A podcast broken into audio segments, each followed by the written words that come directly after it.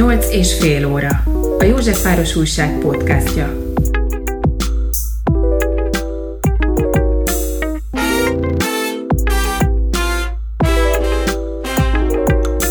Vörös István zenész tavaly novemberben kapta meg a Józsefvárosi Kultúráért díjat.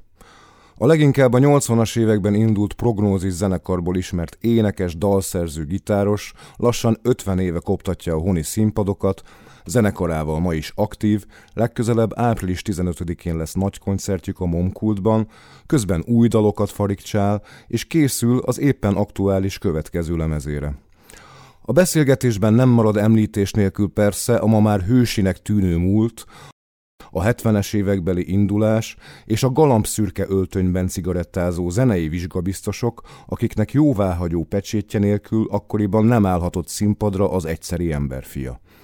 Az önmagát kultrok meghatározó Vörös mesél nekünk gyermek és ifjúkora színteréről, a 70-es, 80-as évek 8. kerületéről, feleleveníti a Kádárkor nagyhatalmú popzenei cézárjaival, Erdős Péter, Vilpert Imre való kapcsolatát, elmereng az emberi kapcsolatokról, és megpróbáltuk közösen felfejteni egy-egy dalszövegének prózai olvasatát.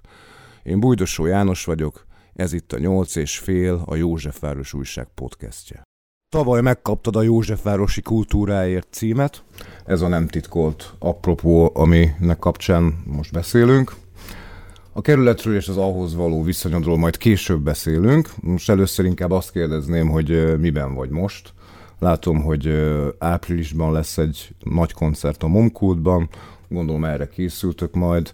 Lesznek-e új dalok, esetleg új lemez, illetve milyen idős a legutolsó dalod? Na hát, ahogy szokták mondani, ez sok kérdés volt, de menjünk szépen sorba. Mondjuk visszafele induljunk el.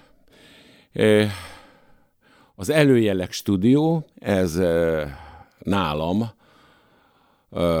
található, és ott folyamatosan készülnek a dalok két vonalban. Az egyik a, a vadonatújak, amelyek egy új lemezre készülnek, és vele párhuzamosan pedig a Hallgass, ha jót akarsz sorozat, immár nyolcadik kiadása, vagy nyolcadik verziója van terítéken. Ez a Hallgass, ha jót akarsz sorozat, ez a régi dalaimnak az újragondolása, vagy újra felvétele, remékje, esetleg ha olyan volt a, a felvétel minősége, stúdió minősége, akkor azokat megtartva kerül a korongra. Tehát tulajdonképpen ez a vöröspisti összest jelenti.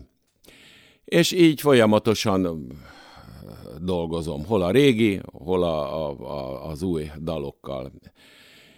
Tudom, hogy a mai világban új lemezt olyan nagyon új dalokkal kiadni fölösleges, hiszen ahogy ezt megtanultuk az elmúlt években, a közönség arra kíváncsi, amit ismer, tehát va- valamiért, mondjuk én tudom is, hogy miért, a, tulajdonképpen a, a, a régi dalok iránt, amik bennük nosztalgiát ébresztenek, afelé vonzódnak, és az újakkal meg barátkozni kell, és a mai időben arra meg sok türelmük nincs az embereknek. Természetesen tisztelet a kivételnek, és mivel én alkotó vagyok, ezért ha az én közönségem irányába, meg saját magam kedvelésére is meg mivel téma bőven akad, ezért írom az új dalokat, és hidegen hagy, hogy mondjuk a rádiók csak a tele van a várost játszák mondjuk nagy részt. De már az is valami, hogyha az felcsendül, hisz az is hozzám tartozik.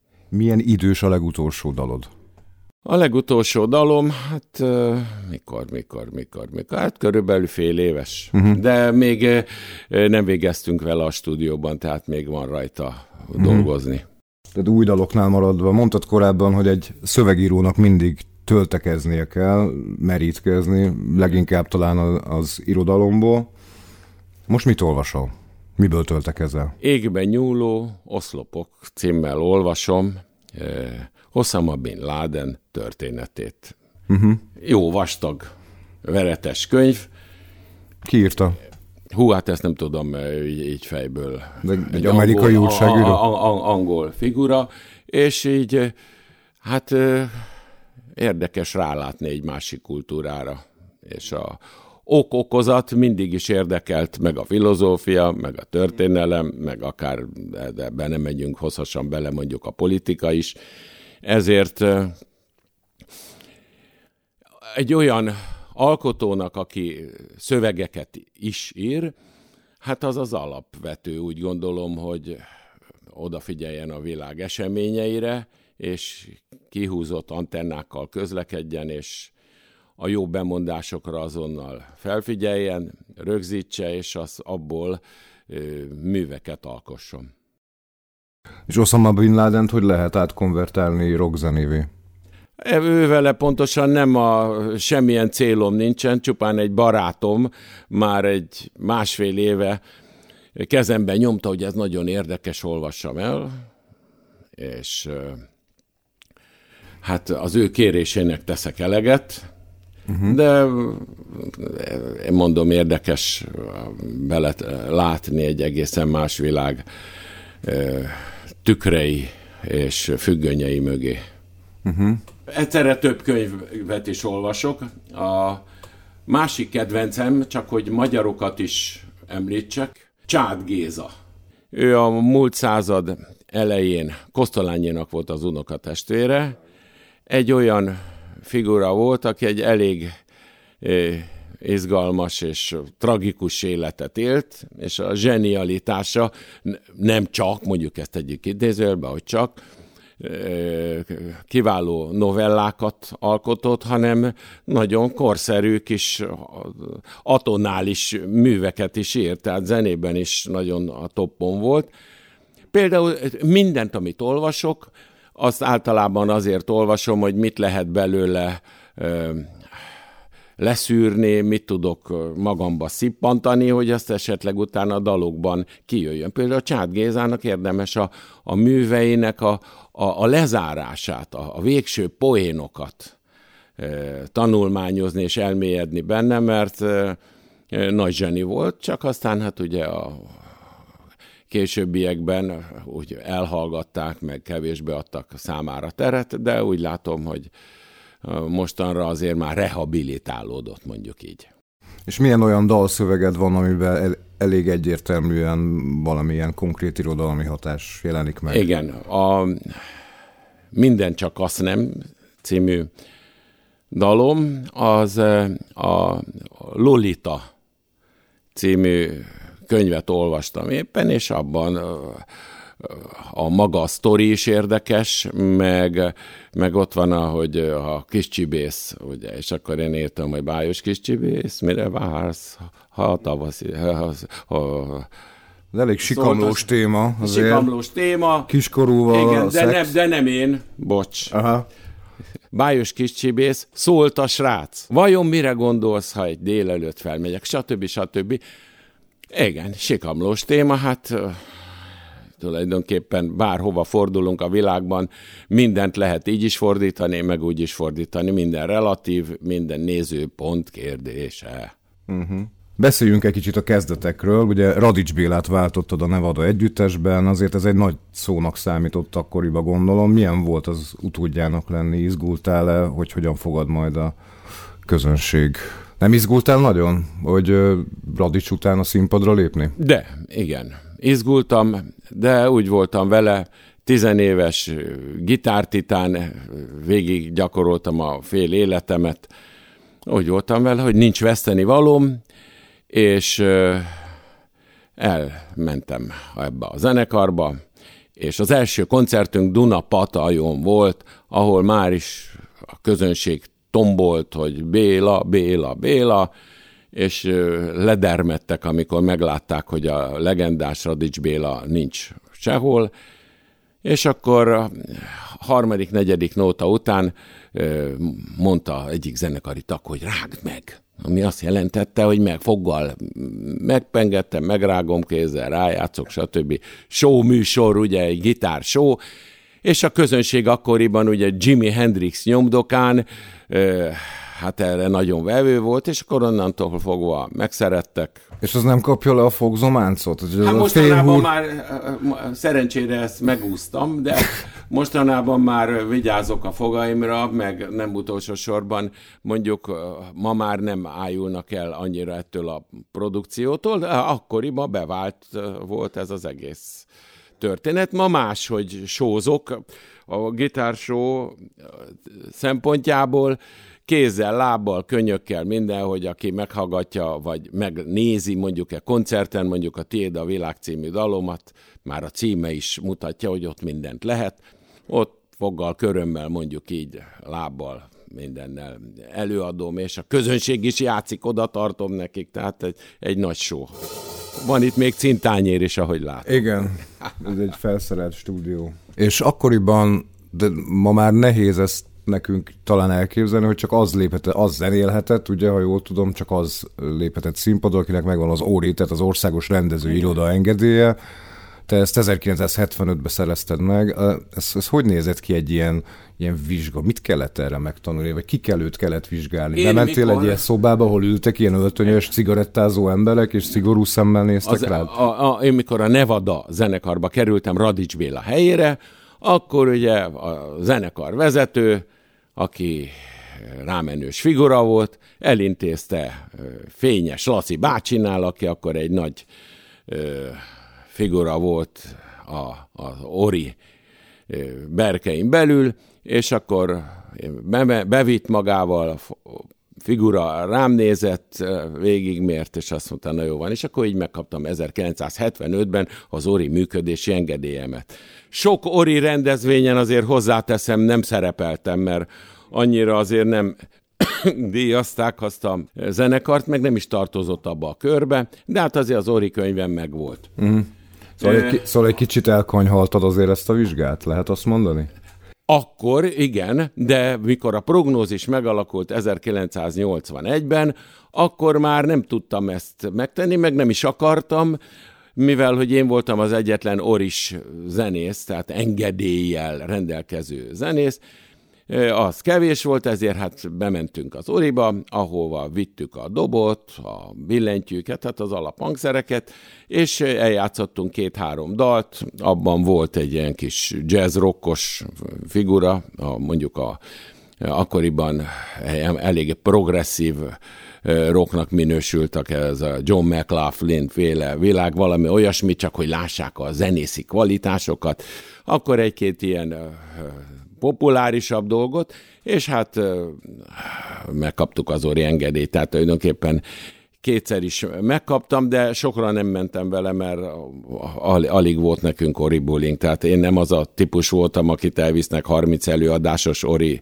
Ori turnéba, pedig milyen jó is lett volna. Nekem mindenért egyedül kellett megküzdeni. Miért nem voltál te olyan zenész, akit elvisznek egy ilyen turnéba? Hát lehet, hogy nem örültek azért, nem örültek volna nekünk a elő meg utó produkciók, mert amerre mi játszottunk, ott a, utána kőkövön nem maradt. Tehát olyan értelemben, hogy nekem megvan az a tehetségem, ezt azért már ennyi év után el tudom mondani, még szerényen és szerénytelenül is, hogy ha a technika működik, és jól szól a nézőtéren, és komfortérzetem van a színpadon, akkor én magá, magammal tudom ragadni a közönséget, és mondom így szépen, hogy egymásba olvadunk. És aki utánunk jön, vagy aki előttünk volt, az, az annyira nem örül, mert mm, hát ezek miatt, amit elmondtam. De lehet, hogy ez volt az egyik oka, a másik oka, hogy nem tudom, ott megvoltak a bejáratott produkciók, Na mindegy, szóval nekem a sors azt rendelte, hogy mindig voltak segítőim, akár a zenekarom belül, persze ezt na, te tudod a legjobban, hogy a zenekaron belül vannak barátaink, támogatóink, meg aztán ö, ellenfeleink, meg aztán előbb-utóbb még aki zenélt, azt tudja, hogy ellenségeink, annak ellenére, hogy mindenhol csak a, a nagy barátság hangoztatása zajlik, ami ideig, óráig tart, aztán elmúlik. Azok megmaradnak, akik komolyan gondolják ezt a műfajt, és alkotni szeretnének, akik meg csajozni akarnak, azok meg előbb-utóbb abba hagyják, és elmennek privát állásba. Most is van ilyen, hogy valakit zenésztársadat esetleg így nem feltétlenül tekinted hogy a legjobb barátodnak?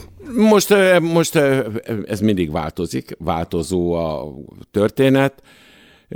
Most úgy érzem, hogy ez egy nagyon jó csapat, érzik annak a súlyát, hogy itt a, ami, ami párját ritkítja, kezdjük azzal, hogy itt olyan dalok vannak, amik magával ragadják a közönséget, erre bizonyíték ez a évvégi két koncert egymás után, különböző dalokkal, több mint 50 dal, két nap, két koncert, más-más vendég, és hát olyan frenetikus siker volt, hogy azt elmondani nem lehet. Aki esetleg kételkedik ebben, az nézze meg a Facebook oldalamon a fotókat, tehát ez a garnitúra nagyon összejött, így zeneileg is, meg a becsülendő az is mondjuk, vagy méltányolandó az ő részükről, hogy itt egy komoly háttércsapat dolgozik, tehát nekik annyi feladatuk van, hogy feljönnek a színpadra, és csillogó tekintettel lejátszák a feladatot, és magukévá teszik a produkciót, és nem beszélve arról, hogy a,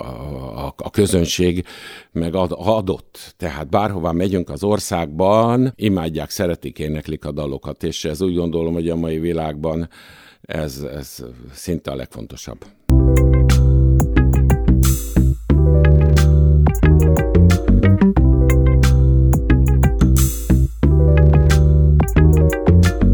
Még egy kicsit vissza a kezdetekhez, hogy Wilpert Imre, aki a akkori magyar zeneipar egyik, egyik főszereplője volt, most nem jut eszembe, hogy minek volt ő a vezetője, vagy... A, mindjárt, start.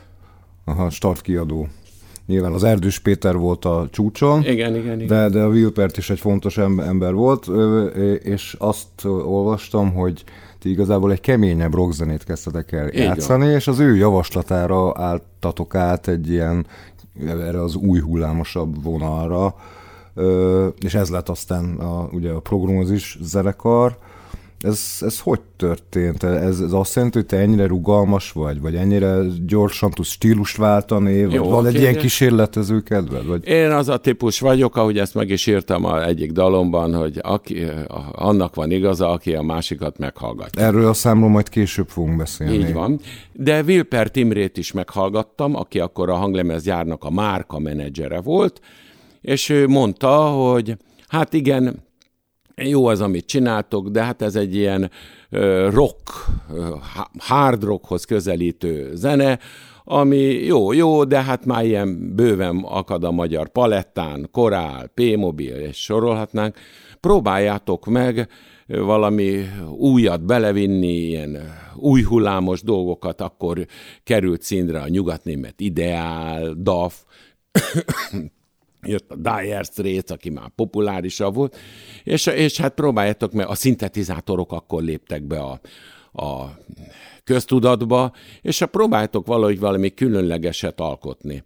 És akkor én az egész repertoárt átvariáltam, áthangszereltem, a, akkori társammal, ugye, a, aki a fő segítőm volt a Jankai Bélával, aki egy egyszerű billentyűs, és ez már érződik a előjelek lemezen, majd aztán a Tele van a város szerelemmel lemezen, tehát tulajdonképpen a Wilper Timrének ezt csak megköszönöm, mert jó irányt adott, és ezért van az, hogy ma is, ha eljátszok egy Tele van a város szerelemmel, vagy eljátszok egy kőhegyeket, vagy abból a korszakból majdnem mindent, azok a mai kor igényén is kielégítik, nem, nem válik porossá, és lejárt lemezzé, hanem ott, ott, ott vannak a jó kis csavarok, hangnemváltás, és a, és a szövegek is, ugye. Ő mondta, Wilpert, hogy próbáljatok a nevetekből, vagy próbálj, mondta nekem, mert én írtam a szövegeket, azt, hát meg zenét is, de az most a szövegekről,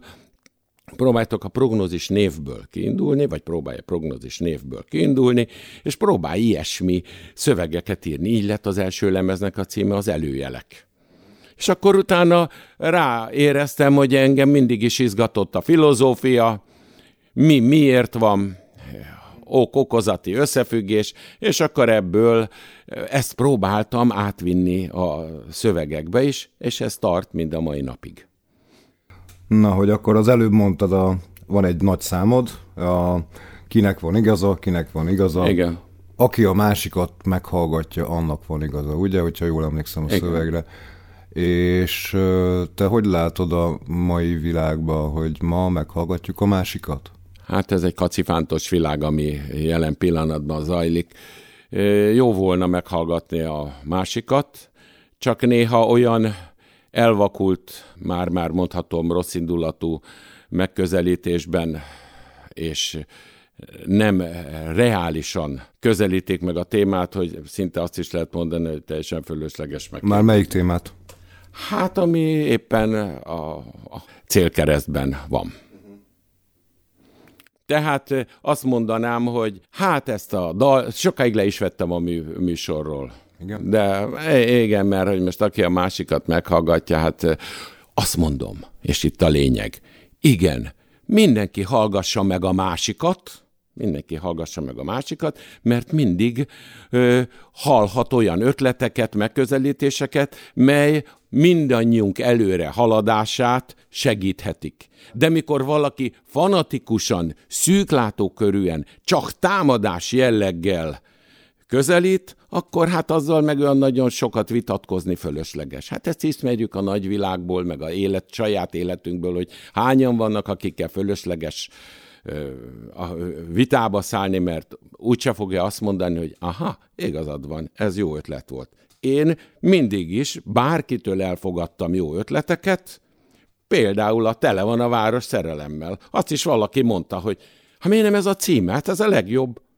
Már akkor szövegben szerepelt megint, és akkor úgy mondom, igazad van. Tehát figyeljünk oda a másikra, és nagyon fontos, hogy kellő objektivitással és távolba látással közelítsünk a dolgokhoz, és semmi fanatikus, fanatizmus, elszántság és asztalt verem, és csak úgy. Csak nekem lehet igazam. Aki így kezdi, azt köszönjük, nem, nem vitázunk. Látod?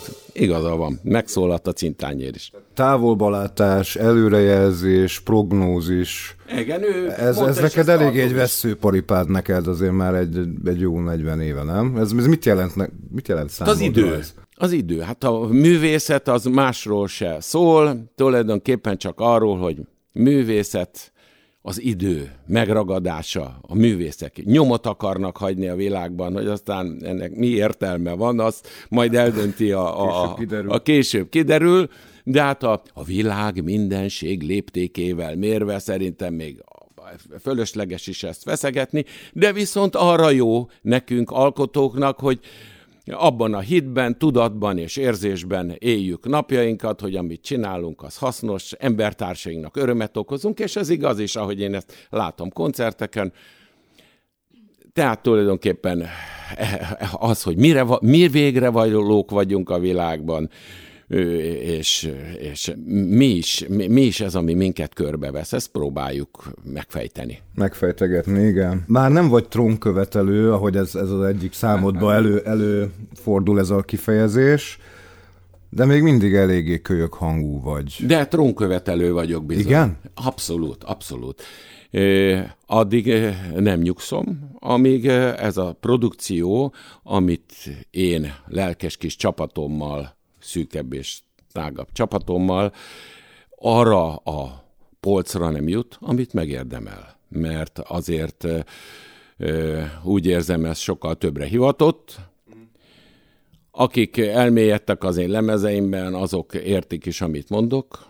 Ez egy olyan produkció, amely, ha megkapná kellő teret és lehetőséget a médiában, sokkal jobban, mint most, azért most sem panaszkodom, akkor ez ö, családi program, most mondjuk így, vagy ö, össztársadalmi program tudna lenni.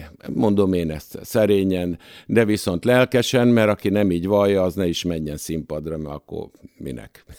én meg úgy gondolom, hogy erre, erre termettem, ezt élem, és a visszajelzésekből, és figyelve a nagyvilág zenei eseményeit, feljogosítva érzem magam, hogy kijelentsem, hogy ez a produkció bizony nemzetközi szintű tudna lenni, ha olyan körítést kapna. Na, ezen dolgozunk. De most nagyon másféle zenék mennek a, a, itthon is, de, de, de külföldön is egészen, hogy mondjam, nekem azért eléggé úgy tűnik, hogy minden szám egyforma, és nagyon uniformizáltak a hangzások, az akkordmenetek, az énekhangok. Mi, te ezt hogy látod? Ez a egy szó trend, ugye? Ezt természetesen a, a, azzal egyetértek ezzel a szóval, hogy trend, hogy ezt követni kell valamennyire, hiszen most a 2000-es vagy 2020-as években se alföldi papucsban meg szimachatyorral járunk, mint annak idején a 80-as években, tehát azért nem kell visszamenni az ős, őskövületbe, de azért azért azt kikérem magamnak, hogy a trendek határozzák meg az én gondolkodásomat, és akkor én azért, mert ö, a ö, belátható profit érdekében ö, szereplő kiadó vagy megmondó emberek megmondják nekem, hogy én most milyen zenét játszak, milyen szöveget írjak, és ezt én nem kultiválom, én, nekem van egy külön trendem, amit nekik kéne követni. Még az előzőhöz a, mondtad, hogy, hogy van egy tök jó csapat mögötted, és hogyha minden jó szól a színpadon, kényelmes ott, ott lenni, akkor, akkor felszállítjátok a színpadot, és felrobbantjátok. Ellenállhatatlan vagyok, mondjuk és, így. És felrobban, felrobbantjátok a Szerény házat. vagyok, gyerekek, de hát ha valaki nem, ha, ha, ha vala, a mai világban, és ezt jó felírni nagybetűkkel, aki szerény, az az is marad. Tehát legalább én azt mondom, hogy realistán legyünk szerények vagy szerénytelenek, ezt mindenki dönts el. Tehát amikor játszottatok az Orci kertbe, Igen. még egy tizenakárhány évvel ezelőtt, ugye nyolcadik kelet Orci kertbe, akkor még voltak voltak kulturális programok, volt egy nagyon szuper uh, ilyen tópartik is. Hú, az jó volt. Bizony. Kocsma, és ott játszottatok, játszottatok, és, és mondtad a technikusodnak, hogy minden oké, okay, Zolikám, minden oké, okay, csak még, vagy nem tudom, hogy Zoli Igazol, volt. Lehet, igen. Minden oké, okay, Zolikám, csak valahogy még nem jött meg az a pavarott is hangom. Ja, hát um, arra várhatunk. Én nem vagyok pavarott is, de hát ő neki más volt a, feladata, meg hát ez egy más műfaj. Érted, a opera az megint más, alternatív hát már, hogy megint úgy, más. úgy magadat így, tehát itt, itt egy kicsit, hát kicsit ez öniróni. én Igen. abszolút nem félek én attól, hogy saját magamat kifigurázzam, mert nem csak nekem mitől félni. Hát nekem megvannak a előnyeim, hátrányaim, de összességében azért úgy gondolom, hogy pozitív az én jelenlétem. Te figyelj, mi volt ez a piknik klub annak az idején, jó. a 80-as évek végén? Az miért, miért született? Erdős Péterék mondták, hogy most már az a prognózis, ez a rockzene, ez, ez most már megy ki a divatból, és valami mást kellene csinálni, és hát nem akarták kiadni a, a lemezt, és akkor én, hogy eljussak és színen maradjak továbbra is a közönségnél,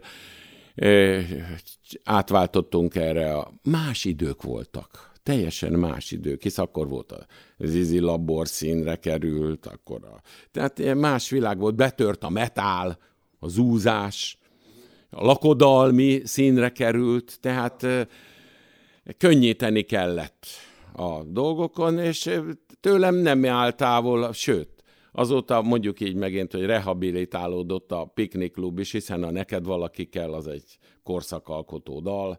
De azért, hogyha akusztikusban eljátszottam a minden a legnagyobb zűrben a mostanság tubával, meg ilyen hangszerekkel, imádják. Hát tulajdonképpen majd, hogy nem etnó lett a dolog. Az én... Új hang, persze, persze az én művészetem, mondom így szerényen, de hát miért nem mondanánk, mert ez a műfaj, ez, ez most már művészi kategóriába lépett, most indulás előtt is mondjuk Lou Reed-et hallgattam, és ő se egy nagy énekes, meg nem egy nagy gitáros, de azért meg volt annak az aurája és a karizmája, tehát inkább erről szól ez a dolog.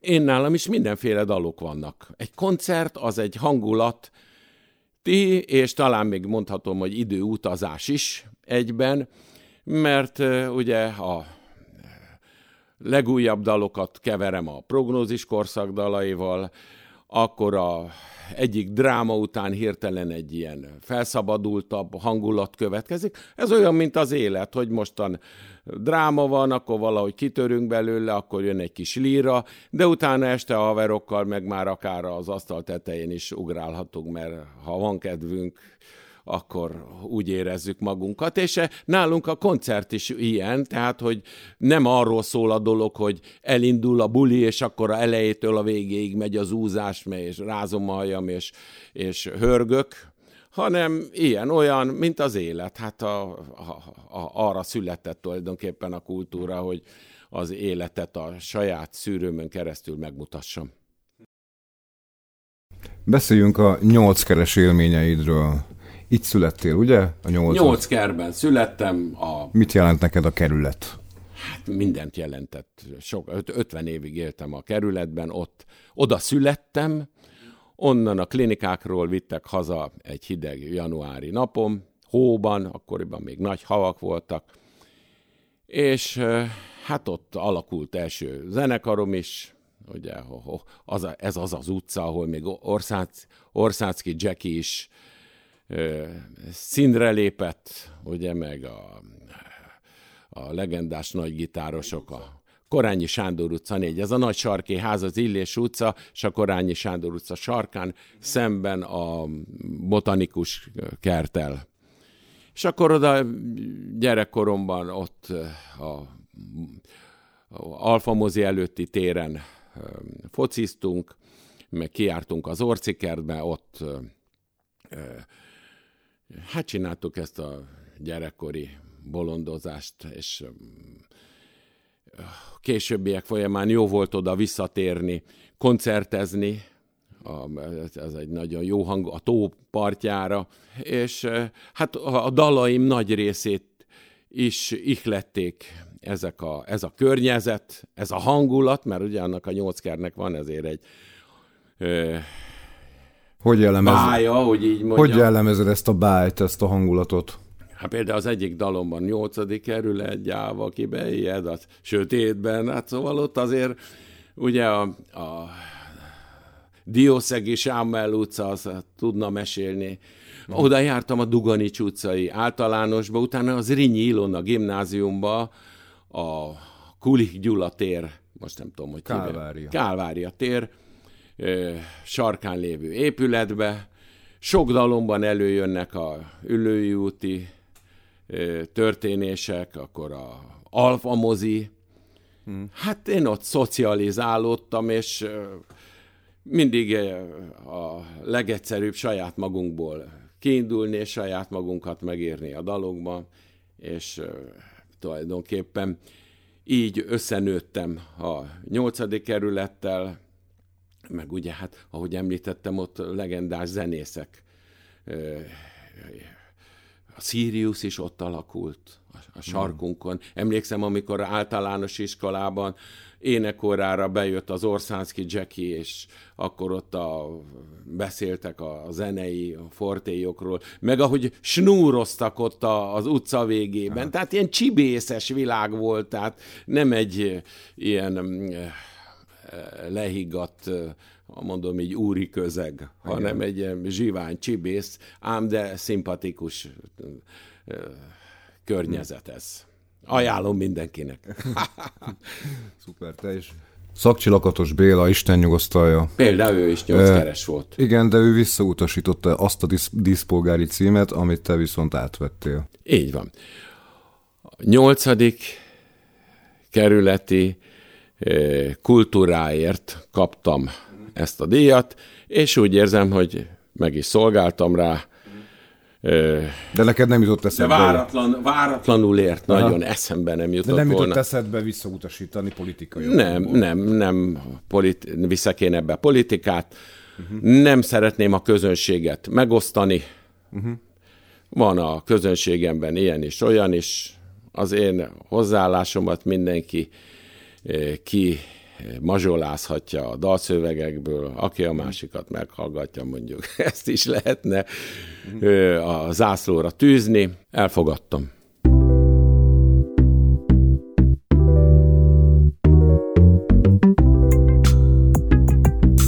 Nyolc és fél óra.